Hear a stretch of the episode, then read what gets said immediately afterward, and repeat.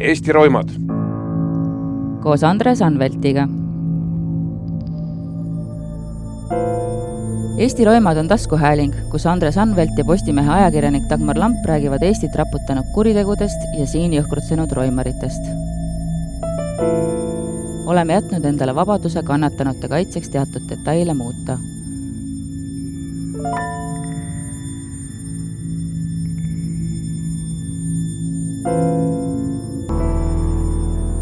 üheksakümnendad olid Eestis kriminaalsed ja pöörased. tänavatel käis tulistamine. maffiajõugud klaarisid avalikult oma arveid, kuritegevuse tase oli laes. uue aastatuhande alguseks aga said Eesti tublid politseinikud, uurijad ja prokurörid asja kontrolli alla. saabunud oli näiline rahuaeg. kuniks kahe tuhande teisel aastal kõlas Tallinna kesklinnas Roosikrantsi tänaval plahvatus.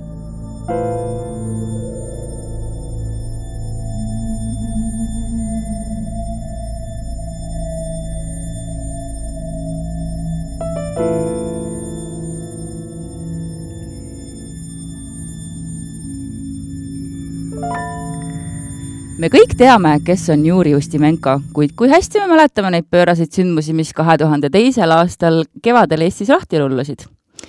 tere, mina olen Postimehe ajakirjanik Dagmar Lamp ja minu suur salajane ja nüüd mitte enam nii väga salajane kirg on kuritööd, mõrvad, roimad, kõik sellega seotud. mis ajendab inimest roimale, mida tunnevad seejuures politseinikud ja uurijad, kes veriseid tegusid lahkama peavad ning kurjategijatega kassihiire mängu mängivad selleks, et heita valgust Eestit raputanud kuritegelikele sündmustele, kutsusin ma endale appi Andres Anvelti, kes on erinevatel eluperioodidel eri ametites roimaritega rinda pidanud pistma. ja lisaks on meil täna stuudios Tanel Tikk Sisekaitseakadeemiast ja nende kahe mehega koos astume me täna eluaegset vanglakaristust kandva sarimõrvari Juri Ustimenko jälgedes. tere, Andres ja tere, Tanel! tere, Dagmar! tere! nii äh,, Ustimenko on kindlasti ju tegelane, kes äh, jätkuvalt tegelikult äh, kirgesid tekitab, aga hakkaks siis äkki sellest, kogu sellest jadast sealt väga-väga ammu pihta. et umbes samal ajal praegu, seitseteist aastat tagasi, see Roosikrantsi tänava plahvatus äh, toimus ja siis ei olnud uurijatel vist üldse aimugi, mitte mingitki aimu, et meie maale on üle Narva jõe ujunud äh, Ustimenko ja Medvedev. kolmas vend oli ka, tema vist uppus ära see on rohkem vist pigem linnalegend. ahah, okei okay. aga ma räägin natukene mm, laiemalt sellest ajast üldse ja, ja mul on hea meel, et Tanel täna meiega on, sest eh, kui mina juba tookord sellise suure ülemusena pidin juhtima seda juga suure kõrge mäe otsast ja vaatama juga siis eh, Tanel oli tookord eh, selle operatiivtöö sisuline korraldaja juht ja mul on hea meel, et ma eh, sain ta nõusse neid vanu aegu meenutama, aga iseenesest eh, nii, nagu eh, siin ka sissejuhatust sai öeldud, pommiplahvatused olid ju Eesti igapäevased sellised olmet häirivad pisikesed kärgatused, mis toimusid üheksakümnendate aastate esimesel poolel. Ja ja siis me, me harjusime nendega nii ära, et ühel hetkel, kui neid enam ei olnud, siis me tundsime, et lõppenud on lausa nagu sõda ja e, mingil määral seesama mm, seitseteist aastat tagasi toimunu e, selle rahuaja meie jaoks lõpetas, ma mäletan sedasama väljasõitu sinna sündmuskohale, e, seal olid kohal kõik, kes üldse pommiplahvatustega on kokku puutunud, huvi tundsid väga kõrged tegelased, ministrid helistasid ja mis kindlasti tasub märkida, et äh, me olime esimesel hetkel täielikus teadmatuses, arusaamatuses, äh, meedia võttis selle jälle üle aastate väga suurelt oma sellise tähelepanu alla, sest tekkisid kohe mm, väga suured spekulatsioonid.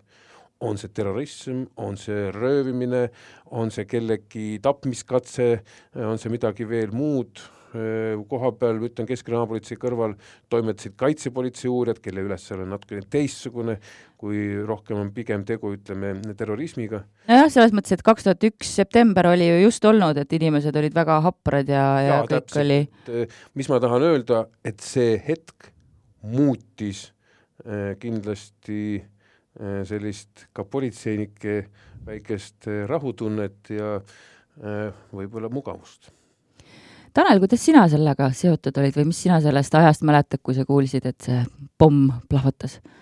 mäletan väga hästi, sest äh, mina sain sellest pommist teada arvatavasti Aktuaalse Kaamera uudistest, aga kindlasti mingitest uudistest. et mäletan, kuidas ma kodus seda uudiseklippi nägin, sest mina sel hetkel, see oli märts kaks tuhat kaks, mina töötasin alles Tallinna politseiprefektuuris. ja siis äh, sel hetkel mul ei olnud selle uurimisega nagu otsest mingisugust seost ja ma veel ei teadnud ka, et ma sellega saan seotud olema, sest ma läksin alles natuke aega hiljem, ütleme kuu aega hiljem ma juba teadsin, et ma Keskkriminaalpolitseisse lähen tööle.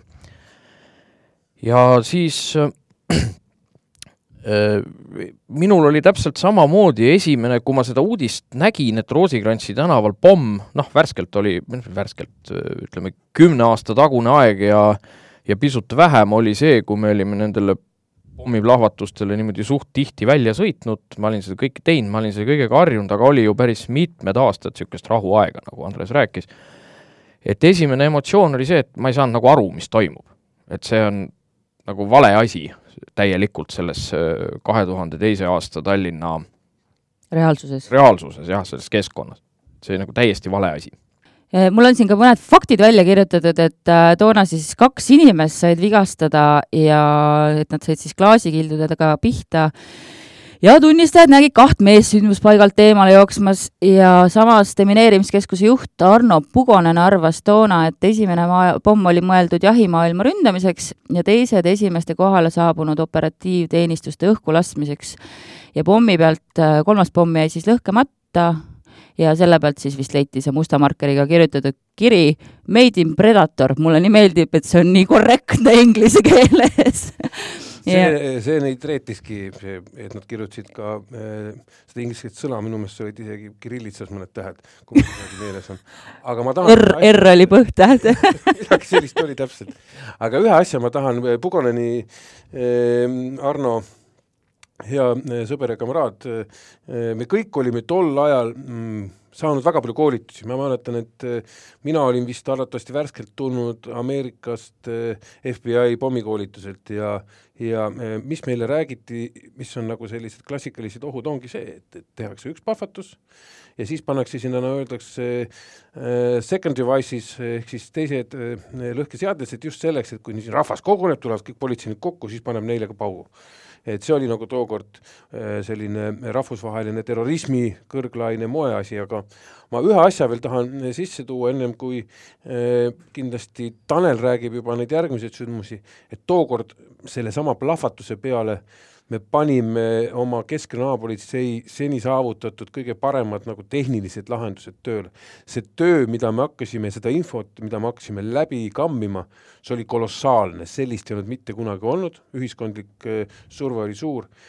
me võtsime sellesama koha, nüüd võib sellest rääkida aastaid hiljem, selle Roosikrantsi tänava äh, mitme aast-, mitme nädala, tähendab, vabandust, mitte aasta, mis ma nüüd suur, suurustan, aga mitme nädala sama päeva näiteks kõik kõneerisid.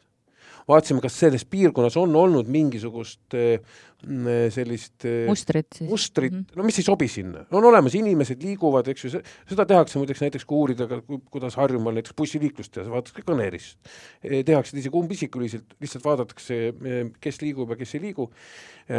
sealt tulid välja erinevad taksod tellimised ja, ja siis me võtsime ümberkaudsed igasugused muud infokogujad, turvakaamerad, see massiiv oli kohutavalt suur, see oli tegelikult üksi neid infokilde, mida siis pidi arvutisüsteem, mis meil olid olemas juba tookord ja päris head äh, kriminaalpolitsei nii-öelda analüüsiprogrammid äh,, mis hakkas seda kõike hekseldama, aga need olid kümnetes miljonites.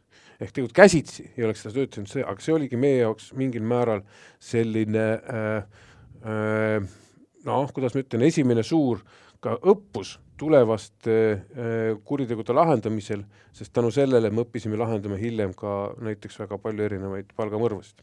et seekord oli äh, see meie jaoks väga oluline teema, aga me laht-, lähtusime ikkagi kui ühest täitsa üksikust kuriteost ja see muu arusaamine, mis nüüd edasi hakkab saama, tuli hiljem, kui hakkasid üle Eesti toimuma siis täielikult sellesse aega enam mitte sobivad kuriteod. ja mul on see silm ees, kus me istume kabinetis äh, ja minu ümber on mitu kolleegi ja ma ütlen, poisid, teeme nüüd ühe asja. noh, ma olin siis ikkagi väikest viisi ülemus, ma arvan, ma olin Keskkriminaalpolitsei asedirektor vist. et teeme nüüd sellise asja, et sirvime kõik need kohalike prefektuuri toimikud läbi ja otsime mustrit, sest see ei ole normaalne. me elame siin, eks ju, juba niimoodi rahulikult ja äkki järjest eh, täitsa seesama, siis ei olnud isegi toimunud või oli juba toimunud, ma täpselt ei mäleta, see Tartu eh, jõhker poemüüja mõrvamine, aga oli eh, veel igasuguseid teisi lugusid, mis ei sobinud üldse sellesse mustrisse kas sellest suurest andmemassiivist eh, toona ka tuli midagi või oli see pärast kasulik, kui oli juba inimesed teada ja sai nagu otsad kokku viia? jaa, pärast oli kindlasti, alguses meil ei tulnud eriti midagi sealt, sellepärast nagu me hiljem aru saime, siis nagu nõelaheina kuhjast, on ju? jaa, et aga pärast me saime siduda küll, nii palju, kui mul meeles on, et seal mingisugused liikumised olid seotud. tol ajal muideks ju kasutati, kui ma, kui ma ei eksi, Tanel võib seda täpsustada aga tol ajal äh, needsamad tüübid, Ustimenko, Medvedjev kasutasid ju selliseid asju nagu äh, taksofoni kõnekaarte ehk äh, tänapäeva inimesed, võib-olla isegi paljud kuulajad, mis imeloomast me räägime, eks, aga see oli selline kast sinist värvi, kus pandi sisse selline väikene kaart, kus olid sul kõneminutid peal ja siis sa toksisid numbreid ja, ja said rääkida. ma tahan teha siin nüüd kahe endise politseiniku juuresolekul ülestunnistuse, et mina teismelisena õppisin ära, kuidas taksofoni kaardiga petta välja, et sa õigel hetkel pidid pöörama teistpidi ja siis see raha jäi sulle ette ja sa said helistada nii et no, ma tunnistasin isegi emale selle ükskord üles. jaa, ega me siin isegi need dopingu asjad tulevad hiljem välja, aastaid hiljem. just, just. aga minu meelest sa ütlesid isegi toona mingis intervjuus, et see taksofonide kaartide kasutamine oli väga isikupärane neile, et nad ju noh, ikkagi vist jah, ühes intervjuus sa ütlesid, et nad ei tahtnud, nad tahtsid, et neid teataks, aga nad ei tahtnud, et nad neid kinni pe-. no, saada, nende eesmärk oli ju tegelikult kuulsaks saada. sellest me jõuame rääkida ja ma arvan, siin Tanel on veel parem rääkija, sest tema ikkagi isik... jah, meil ei saa Tanel üldse rääkida aga ma, minu jaoks, no jah, minu jaoks on siiamaani täpselt arusaamatu, aga ei saagi olla ju normaalsetel inimestel, isegi kui nad on kriminaalpolitseis töötanud, tihtipeale Äh, väga selged need ajukäärude töötamise mehhanismid, mis on kurjaka peas.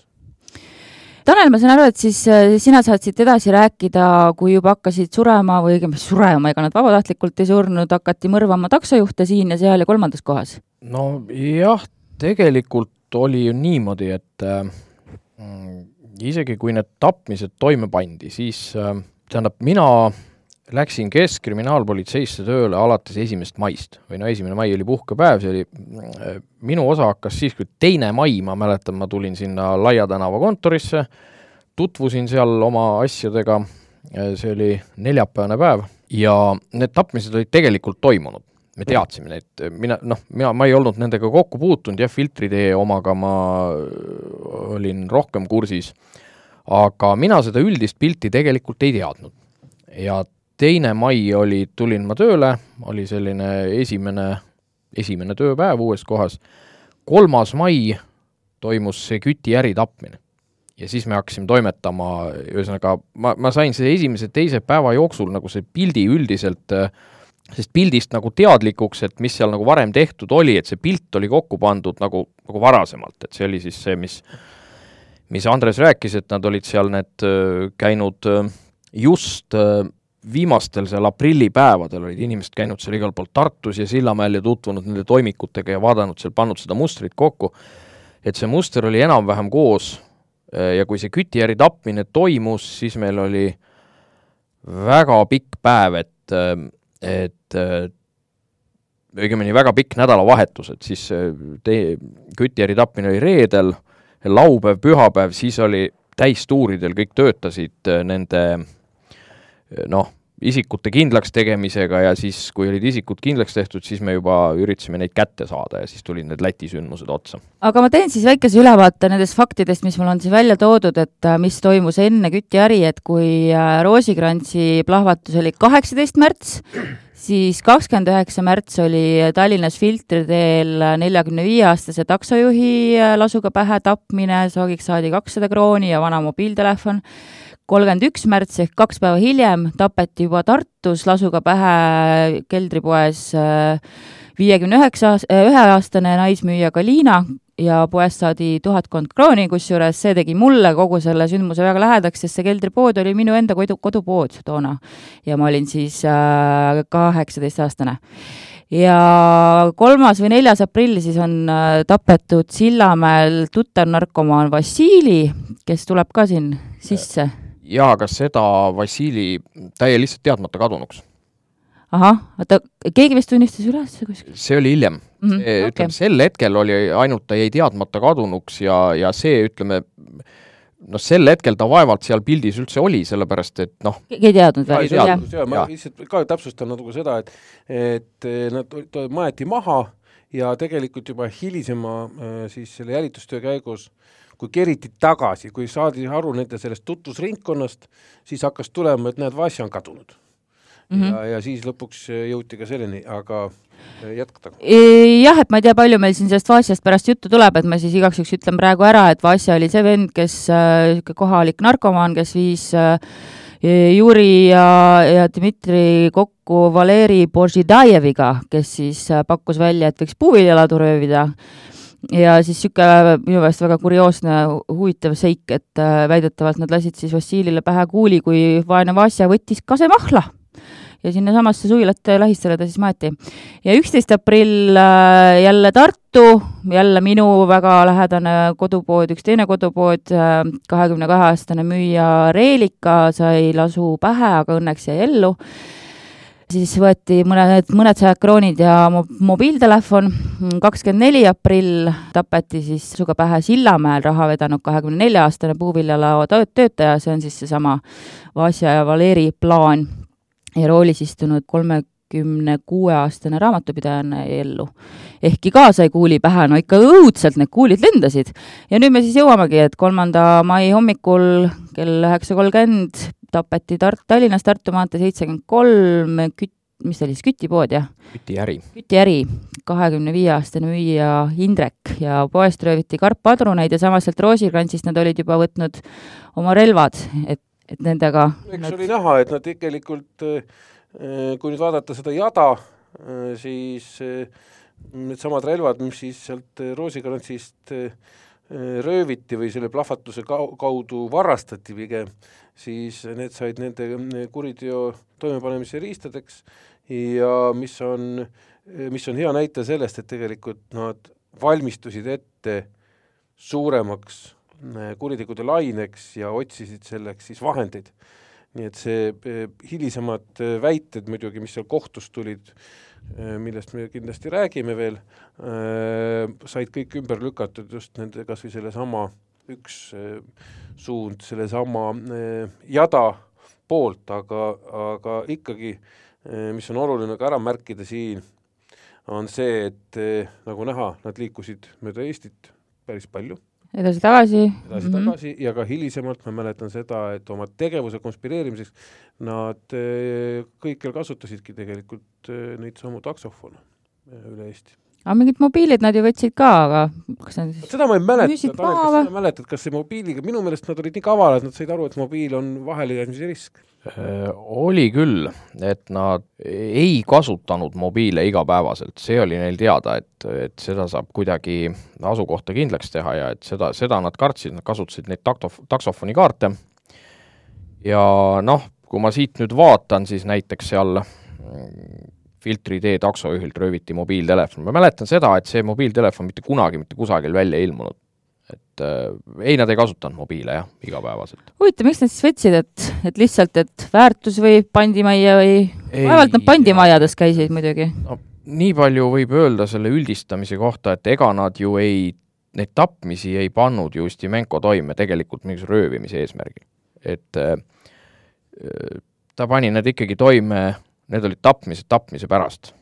ja see, kui nad sealt pärast võtsid, ma ei tea, sada krooni kuskilt kassast, et see oli rohkem niisugune noh, lihtsalt käis asjaga kaasas, et eesmärk oli ikkagi keegi, keegi maha lasta eesmärk oli saada pilti tänu sellele, sellepärast et kui ja, ja ma tahangi öelda seda, et, et mis tekitas ka meil ka hämmeldust ja ja just ennem seda, kui Tanel tööle tuli, kes Krimkas ja meil äh, mehed ja naised, kes meil Krimkas töötasid, mööda Eestit sõitsid ja neid toimikuid lugesid äh,, siis üks oluline, mis meid ju liikuma pani, oligi see ega Eestis oli röövimisi, Eestis oli neid keldripoe röövimisi ja igasuguseid äh, muid selliseid asutuste röövimisi. Ikka tuli, ega nii rahuaegse ka ei olnud, aga harilikult tuldi sisse äh,, relvataolise esemega ähvardati, võeti kassast, no võib-olla vahest seesama kakssada, vahest kakskümmend tuhat krooni ja mindi minema siis need olid täitsa teise käekirjaga. et kui sa võtad äh, kriminaalpolitseiniku pilguga, sa tead tegelikult neid mustreid, mis toimuvad, et sa tead seda, et, et äh, noh, kui jälle oli, ütleme, Lasnamäel järjekordne äh, mingisugune rööv kuskil keldripoes äh, või kuskil kokkuostus või mis iganes valuutavahetuspunktis, siis sa teadsid seda, et noh, enam-vähem, et äh, see kurjategijate ring võis sul äh, hea kriminaalpolitseinikuna tegelikult ees olla, et see võib olla see Fjodor, see võib olla see Juhan, see võib olla see, noh, tuleb need sündmused kokku vedada, aga enam-vähem sa teadsid, kes selles piirkonnas või üldse sellise asja -hmm. tegijad. aga nad ei lähe kunagi kedagi tapma. siin minnakse sisse, kuul pähe ja, ja täitsa ilma mingisuguse põhjenduseta ja siis hakatakse, eh, siis võetakse midagi kaasa, no kui sa oled juba inimesi ära tapnud, eks siis võtad midagi kaasa ka, võib-olla nad sellega tahtsid oma jälgi hoopis segada, et nad on eh, tõesti mingi muu asja peale väljas, kuigi no eks see oli ka selge, et, et ega nad Eestisse ei saabunud ju eh, noh, miljoni kohvritega, eks ju, eks neid oli midagi vaja ikkagi kuskilt saada, et seesama puuviljalao värk, eks see on näha, et see oli ikkagi ka selle raha eesmärgil, see summa oli suur. viiskümmend tuhat. viiskümmend tuhat ja mhm. see andis nendele era elamiseks ja ikkagi mingi summa. Äh, Tanel, kuidas siis oli see esimene töönädalavahetus Keskrimkas, et äh, kolmas mai, neljas mai, et äh, hakkasid enne rääkima, segasin vahele? selline kiire, et äh, noh, käigu pealt tuli põhimõtteliselt ennast kurssi viia, mingisugused mm, noh, sellised äh, sisseelamise asjad jooksu pealt ära teha, noh, mul polnud teenistusrelvagi näiteks sellises, meil oli vaja minna Sillamäele seda. Kõti Järist oleks saanud võtta. jah, ma küsin et äh, ei, oli vaja Sillamäele minna, see oli vist laupäeval, kui ma juba seal olin. Äh,, me teda seal taga ajasime, noh, tema oli juba, nemad olid juba lahkunud sealt, aga me sõitsime siis mööda Sillamäed. Ja, ja püüdsime neid seal ja siis seal leidsime selle elukoha üles, seal toimetasime ja me ei teadnud. oli, kas see oli siis nüüd see, selle daami juures, see elukoht või? mingi Preili neil oli, kes neid majutas? jah, seal oli üks mingisugune perekond, kelle, kellel oli seal korteris nii palju ruumi, et nad seal elasid okay.. tavaline, täitsa tavaline perekond. aga ma küsingi, Tanel, sult, et teeme nüüd tagavarega väikest ristküsitlust sulle mina olen, olin tookord tõesti nii suur ülemus, et ma ei oska mäletada, aga ma loodan, et sinul on see mälestus mälus. ütle mulle, kas sel hetkel, kui sina tulid, eh, teine mai ja, ja see kütiäri kolmas mai, eks ju, kas, kas siis oli meil eh, politseil teada tegelikult nende isikute eh, nimed juba või oli teada, et on olemas meil mingisugused tüübid, kes on arvatavasti väljaspoolt Eestit kes siin, nagu öeldakse, gastrollivad meie keeles, eh, õigemini mitte meie keeles, et noh, näitlejate ja mm. kurjategijate keeles on gastrollimine nimed gastrolöörid. gastrolöörid mm -hmm., väljasmaale sõitmine, reisile äh, esinema, aga ma äh, küsin, kas tookord me juba ikkagi teadsime, kes on Ustimenko või Medvedjev või me ajasime taga kahte võib-olla juba mingisuguse välimusega inimest lihtsalt? siis teisel mail kindlasti aeti taga veel kahte arvatavasti Venemaalt pärit inimest et siis ei olnud, et see tuli seal kuskil, see, need nimed tulid taha seal selle peale seda kütiäri tapmist, see oli reede-laupäev kuskil seal niimoodi. ja seal oli veel, noh, minu osa oli ka marginaalne, sest noh, ma alles tulin ja seal veel need siis need Keskrimka töötajad, kes seal nagu jooksid ringi, et need tegid nagu see põhitöö ära, see tuli jah, sealt Sillamäelt, noh siis meil oli see regionaalkeskus seal ja vot nendega toimetades noh, leidsime selle korteri ja sealt korterist ma juba mäletan, seal ma juba olin, sealt me leidsime juba mingisugused Venemaalt välja antud pildiga dokumendid isegi. et mul on niisugune asi meeles, et ma helistasin oma vanasse töökohta sinna Lubja tänavale Tallinna prefektuuri ja veel küsisin sealt, et noh, kellelgi ei olnud aega mingisugust andmepäringut nõuete kohast teha, lihtsalt helistasin ja küsisin, et kuule, kas te teate selliseid nimesid, mäletan, et noh, siis siis öeldi, et mitte midagi sellistest isikutest noh, Eestis teada ei ole. et siis see, see pidi olema siis reedel tööajal, siis kas need olid juba nende äh, nimedega, sest vaata, nendel oli ju ka teine komme, mis nendel pärast ära võeti, nendel olid ju lausa pressikaardid ju, nad ju armastasid esineda tutvumisel. mis asja, neil olid pressikaardid? ise järgi tehtud äh, täitsa suvaliselt sellest kohvrist, ta vähemalt kuskilt leiti hiljem. mis väljaanne, Postimees või? ma ei oska öelda, mis väljaanne, aga, aga ma mäletan seda, et nad, nendel oli kaks asja, millega nad tutvusid, üks oli see, et nad on üliõpilased, noh, ütleme kuskil baaris, ja teine see, et nad on ajakirjanikud vot nüüd ma läksin küll ühevile. aga noh, on äh, tüüpiline alati. Äh, faktidest on mul siin kirjas, et mai alguseks suudeti tuvastada isikud, et kes siis selle varjunime Predator taha peitusid, et siis olidki äh, Venemaa Föderatsiooni kodanikud Juri Ustimenko ja Dmitri Medvedev. aga siin on siis jah, Vikipeedia vähemalt ütles mulle, ma arvan, et see on Vikipeediast mul võetud, kuigi ma lugesin ka väga palju artikleid läbi, et enne kui politsei jõudis nende pildid meediasse saat-, saata, lasid nad kütiärimüüja maha noh, põhimõtteliselt nii oli küll.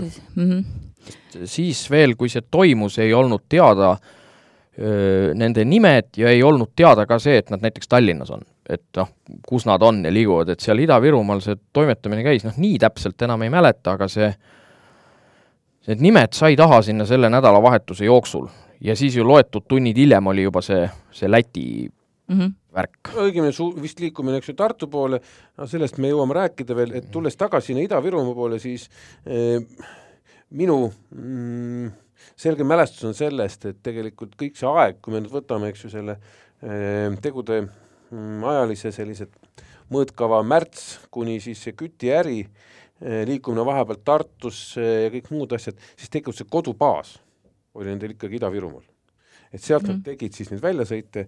ma julgen seda öelda, et ka hilisemalt eh, uurimise käigus eh, sai tuvastatud ka bussijuhte ma just mõtlesin, et huvitav, kas nad käisid, kas auto võtsid kuskilt või millega nad siis nagu reisisid siin? ei, nad kasutasid eh, nii minu mäletamist mööda maksimaalselt ühistransporti ja jumal tänatud, tookord polnud ta tasuta, et, et sellisel juhul oleks võib-olla nende kuriteguring veel laiem olnud, et oleks kaugemale mm -hmm. sõita et Tanel, kui sa seal Sillamäel äh, lõpuks nägid neid dokumente ja läbiotsimist korraldasid seal korteris, et äh, mis tunne sul oli, et kas sa, kas sul oli lõpuks niisugune või noh, sul oli see nii värske asi, et kas äh, sul oli hirm või oli sul niisugune ärevus või oli sul niisugune võidurõõm, et ahah, nüüd te raiped olete käes? Et kuidas niisugune sel hetkel ei jõudnud eriti väga midagi tunda, sest kiire oli, noh, käes ei olnud ju veel keegi kuskil mm, et see oli, isikud olid kindlaks tehtud nii enam-vähem. ja ei noh, võidurõõmust oli asi kaugel, eks ärevus või noh, selline, see on selline spetsiifiline tunne, kui sa sellise tegevuse käigus, kui sa kedagi reaalselt niimoodi taga ajad ja ja see oli noh, neljakesi me olime seal Sillamäel, mäletan ja siis me ei teadnud isegi, kus nad on, et me otsisime siis meie see üks noh, auto täis neli inimest, meie jäime sinna Sillamäele, see oli õhtu hiline aeg juba, tiirutasime seal ringi, otsisime neid igalt poolt.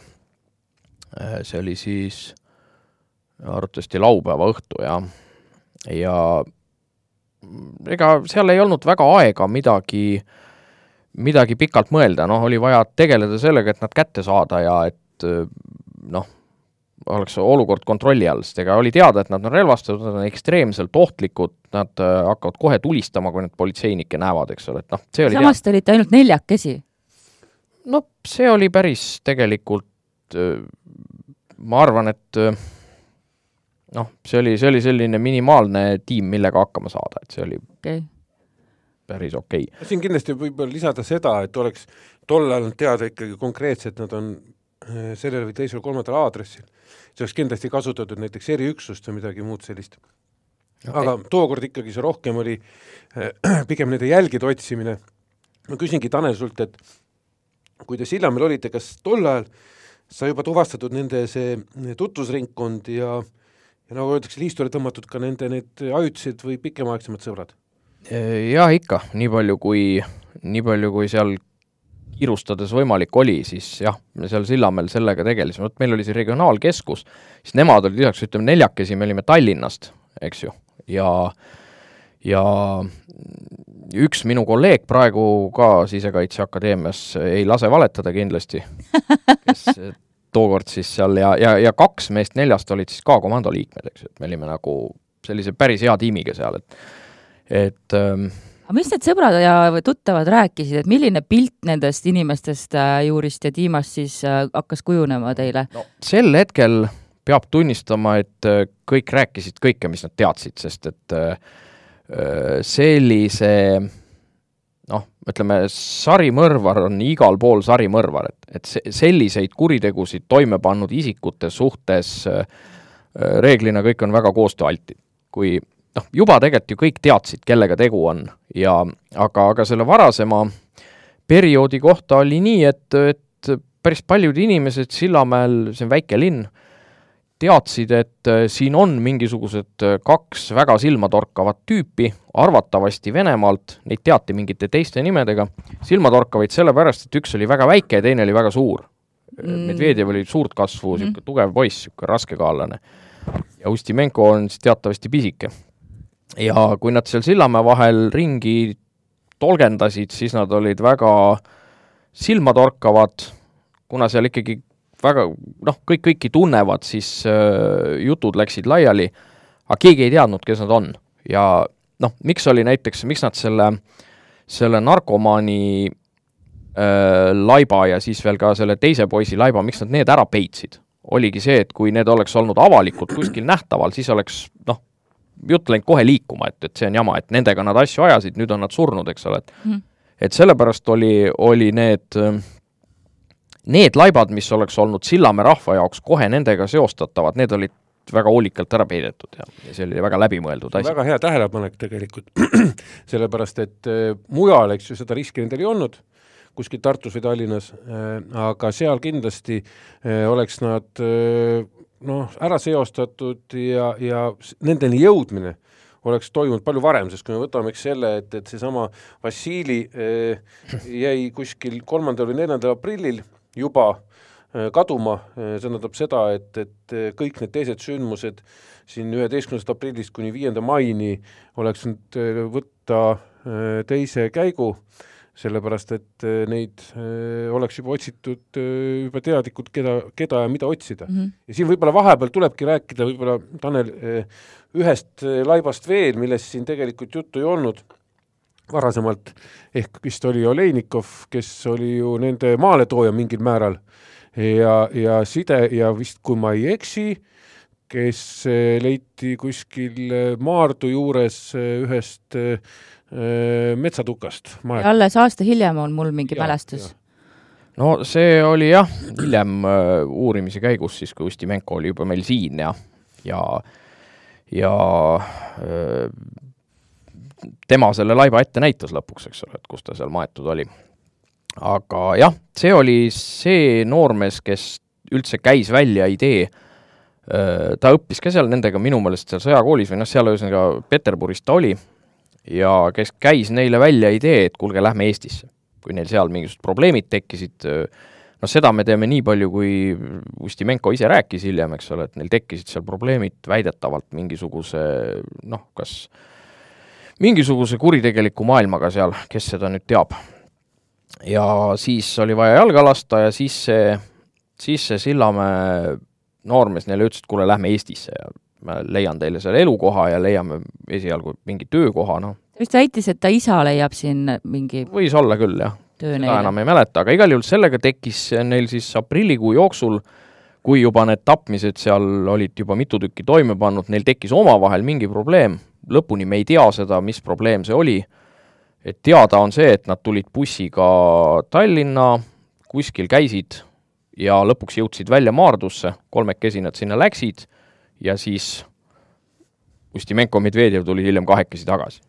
et äh, see on, see on see, mis konkreetselt teada on, et ilmselt mingisugune omavaheliste suhetega seal midagi ära ei klaarinud. siin võib olet-, oletada ainult seda tegelikult ju, mõeldes ka äh, kurjategija loogikat, et sellel hetkel oli nendel ju väga suur hunnik äh, kuritegusid sooritatud juba ja võib eeldada seda, et tekkis äh, nendel see arusaam, et kui nad, ütleme, tahavad hakata siit eemalduma ja sest eesmärk, millest me kindlasti räägime edaspidi, väidetavad eesmärgid olid väga huvitavad nendel, siis keegi isik siit Sillamäelt, nende tutvusringkonnast võis olla ju tegelikult see, kes selle asja tuksi keerab, ütlusi näiteks politseile annab, see on harilikult see kõige suurem loogika, miks äh, siis hakatakse kedagi oma nii-öelda isegi lähedastest kambajõmmidest äh, ära tapma? mina amatöörpsühholoogina, suure sarimõrvarite fännina näen siin võib-olla sellist psühholoogiat taga, et kui Ustimenko oli ikkagi kogu selle operatsiooni pea, tema oli see, kes seda asja vedas, aga samas ta oli ise ikkagi füüsiliselt väike vend ja, ja tal tõenäoliselt tekkis raskusi kahe mehe kontrollimisega, samas kui Medvedjev tegelikult vaatas tal alt üles, ta vist rääkis isegi kellelegi seal Sillamäel, et, et Ju-, Juri on tema elu millalgi päästnud, et ta on nagu tänu võlgu talle.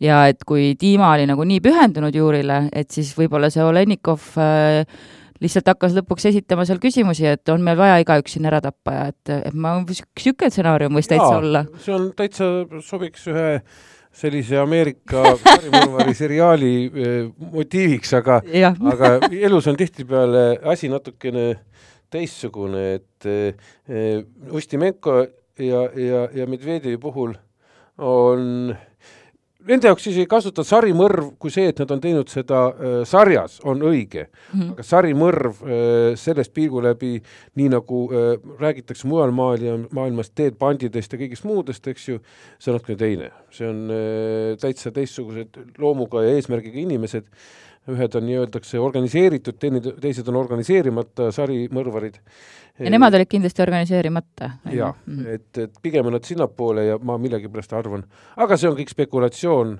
seda viib endaga äh, vangla seinte vahel hoiab ja, ja viib endaga hauda kunagi Ustimenko, kes tegelikult teab neid nüansse, millest ta kõigist kindlasti rääkinud ei ole mm. -hmm. E, aga lähme siis sinna Sillamäele tagasi, et me oleme mai alguses ja Ustimenko, Medvedjevi, Medvedjevi nimed on teada ja kust te teada saite, et nad hakkavad Läti poole liikuma? kuidas me sinna Läti piirile, millest on järgmine saade, jõuame? Äh, see oli, see saadi teada kuidagi seal äh, Tallinnas peamajas mäleta, tuttavate sulle helistati autosse? meile helistati autosse, öeldi, et kuule, nüüd on nii, et nad on Valgas, et te võite seal Sillamäel rahulikult võtta. kuni selle hetkeni me olime seal Sillamäel otsisime neid reaalselt, sõitsime seal ringi, käisime kõik igasugustes kohtades, kus need võisid olla ja, ja niisama vaatasime ringi. noh, suhteliselt väike linn seal, suhteliselt tutvusite vaatamisväärsustega? jah, kõik kohad juba nagu ka läbi käidud ja kuskil midagi teada ei olnud. ja siis tuli veel, ja siis tuli see info, meile tuli ta kuskilt sealt Tallinnast, et et, et nad on Andres, sina olid Tallinnas? jaa, ma olin Tallinnas ja ma üht-teist ka mäletan, äh, tegelikult see asi oli väga lihtsalt ja loogiline, et, et äh, nad olid loonud endale teatud tutvusringi. Nad käies Tallinnas näiteks, külastasid mingit baare, said jälle tuttavaks mingite inimestega. Äh, ja, ja inimesed, kes hakkasid neid ka kahtlustama, kogu selle suure tohuvabohu tegelikult, mis käis ka juba meedias ja igal pool ringi, Äh, hakkasidki ise seda informatsiooni andma, ehk äh, võib-olla nad on nendega tutvunud, äh, noh, nad arvasid, sest olid olemas ka mingisugused juba näod, kirjeldused ja, ja tegelikult see informatsioon, et nad on Valgas, jõudis ju tegelikult kokkuvõttes Valga inimestelt. lihtsalt inimestest, kes ütlesid, et oo oh,, sarnased, kes siin liiguvad mööda tänavat. ja ja siis oli ka veel juba tegelikult teatavaks tehtud, selgeks tehtud üks Tartu aadress, kus nad olid ka vahepeal nagu pinda siis üürinud või veetnud veel ühe, kui ma ei mäleta, see üks ehitajapoiss, siis ka see veel täpsustas nende liikumisi ja minu jaoks praegu ma järgi mõeldes sellele kõigile, siis tekibki veel, veel selle mustri arendus. Nad tegelikult valmistusid Eestist lahkumaks mis tõestab ka seda, miks oli vaja Olenikov maha lüüa. Äh, ja, ja et kõik need ära raiuda need sabad, mis Eestiga on, see kuriteopakk oleks jäänud meil võib-olla aastateks pimedaks ja nemad oleks sealt ära lahkunud, siis nad valmistusid tegelikult Eestist lahkumiseks.